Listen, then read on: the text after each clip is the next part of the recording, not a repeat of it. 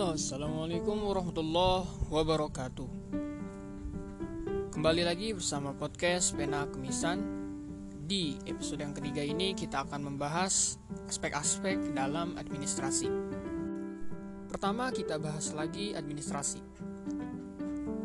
Administrasi, sebagaimana yang kita ketahui, adalah ilmu terapan yang berkaitan dengan keseluruhan proses kerjasama atau kegiatan manusia di dalam suatu kelompok Nah, sebagai uh, suatu upaya mencapai tujuan yang ditetapkan.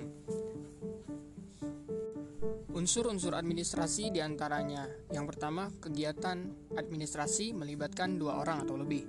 Yang kedua kegiatan administrasi dilakukan secara bersama-sama. Dan yang ketiga uh, adanya tujuan tertentu yang hendak dicapai.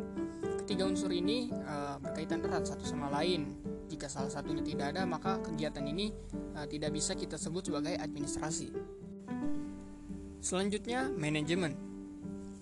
Apa itu manajemen?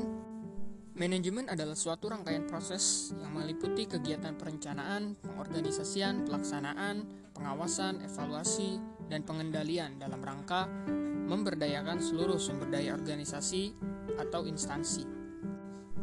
Apa saja fungsi-fungsi manajemen? Fungsi-fungsi manajemen di sini saya mengutip pendapat dari George Terry yaitu POAC. Planning, organizing, actuating dan controlling. Planning yaitu perencanaan, organizing pengorganisasian, actuating yaitu penggerakan dan controlling yaitu pengendalian atau pengontrolan. Nah, manajemen adalah satu hal yang erat kaitannya dengan kepemimpinan. Kepemimpinan adalah bagian dari fungsi-fungsi manajemen yang menduduki posisi strategis dalam sistem atau hierarki kerja dan tanggung jawab pada sebuah organisasi atau instansi. Kepemimpinan bisa kita katakan sebagai seni atau upaya mempengaruhi atau mengarahkan sikap, pendapat, dan perilaku orang atau satu kelompok agar bisa bekerja sama mencapai suatu tujuan. Dalam menjadi seorang pemimpin, ada beberapa kriteria tertentu yang harus dimiliki. Yang pertama, pengaruh. Seorang pemimpin adalah seorang yang memiliki orang-orang yang mendukungnya. Pengaruh ini menjadikan sang pemimpin ini diikuti dan membuat orang lain tunduk pada apa yang dikatakan sang pemimpin.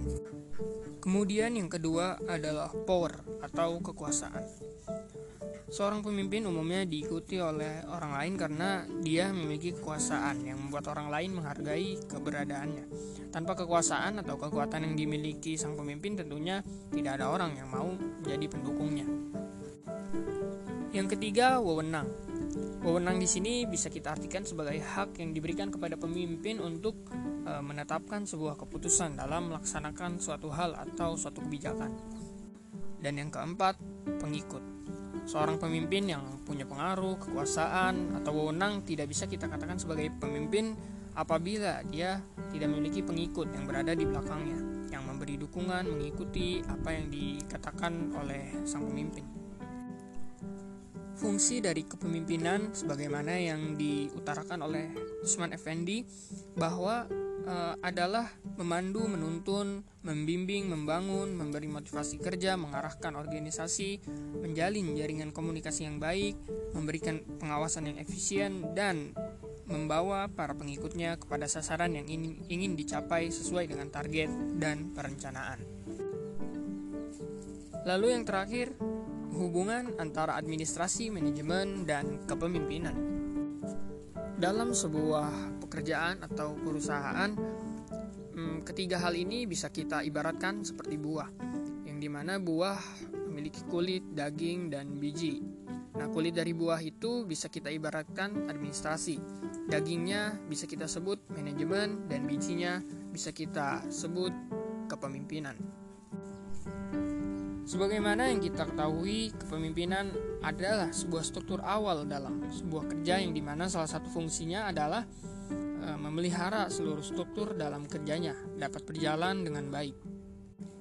Dan oleh karena itu, pemimpin juga perlu menyusun administrasi dengan baik agar kerja dan tujuan dapat terlaksana dengan baik. Oke, mungkin cukup sekian yang bisa saya sampaikan di episode yang ketiga ini mengenai aspek-aspek dalam administrasi. Kurang lebihnya saya mohon maaf. Assalamualaikum warahmatullahi wabarakatuh. Sampai jumpa di next episode.